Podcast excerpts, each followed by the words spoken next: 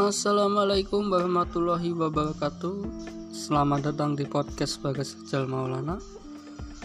Oke di podcast hari ini Lama saya tidak mengupload podcast Karena ya dalam kondisi kurang fit Atau sakit. Dan di episode kali ini Saya mau ngasih tips lah Buat teman-teman untuk tetap jaga kesehatan ya. Oke Kesehatan merupakan harta yang tak ternilai harganya oleh sebab itu, agar tetap sehat, orang rela melakukan apa saja. Segala cara yang dilakukan baik yang bernilai medis maupun non medis, dari yang logis hingga bernuansa supernatural atau supranatural, beragam usaha yang dilakukan oleh banyak orang dan berbagai kalangan untuk senantiasa sehat dan mendapatkan hasil kembali. Sering juga cara yang dilakukan menghabiskan banyak biaya dan bahkan juga tak jarang menabrak aneka norma dan logika. Tetapi sebenarnya menjaga kesehatan diri untuk tetap sehat tidaklah sulit dan kadang juga tidak memerlukan biaya sama sekali. Tetapi tentunya kita butuh ekstra kesabaran dan ketelatenan karena hanya sedikit orang yang bisa tetap konsisten menjalani hari-hari dengan kesehatan. Oke, di episode kali ini kita membahas ya. Pertama, berpikiran positif. Dalam tubuh yang sehat terdapat jiwa yang kuat. Maksud dari kalimat ini jika di dalam jiwa yang seorang yang sehat atau positif thinking, maka tubuh pun akan sehat. Kondisi gangguan pada mental, stres, dan depresi telah terbukti mengganggu kesehatan tubuh seseorang. Untuk itu, teruslah berpikir positif dan memanage kondisi mental agar tidak mengalami stres dan berpotensi mengganggu kesehatan. 2. Kendalikan stres. Kelola emosi dengan baik, jangan mudah marah-marah.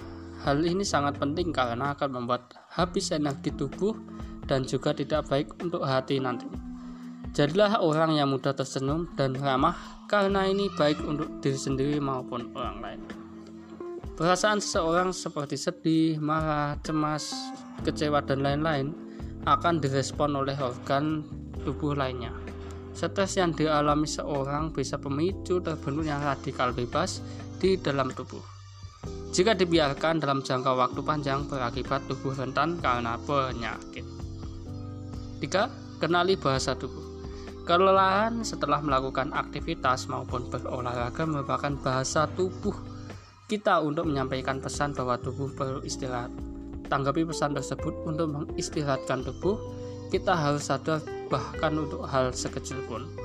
Misal mata yang terasa perih dan berair ketika bekerja di depan komputer. Itu berarti mata kita sudah lelah dan butuh istirahat. 4. Menjaga pola makan. Kita harus menjaga pola makan, jangan sampai kita meninggalkan sarapan atau atur selalu jam makan Orang yang tidak bisa menjaga pola makannya, dia akan mudah sekali terkena penyakit mah. Gejala penyakit mah pertama yang akan dirasakan oleh orang tidak memiliki pola makan yang teratur adalah perut terasa melilit dan sering terkena sakit perut. Untuk menghindari hal seperti ini, berikut adalah tips menjaga pola makan yang baik. Satu, mengonsumsi gizi seimbang, hindari makanan berlebih atau kurang, Jangan makan berlebihan maupun kekurangan. Hindari makanan sampah atau bau. Konsumsi makanan berserat. Nah, itu dia informasinya. Ya sedikit aja ya, karena kondisi badan yang tidak menentu ya tetap jaga kesehatan lah teman-teman oke sekian dari saya terima kasih telah mendengarkan podcast saya bye bye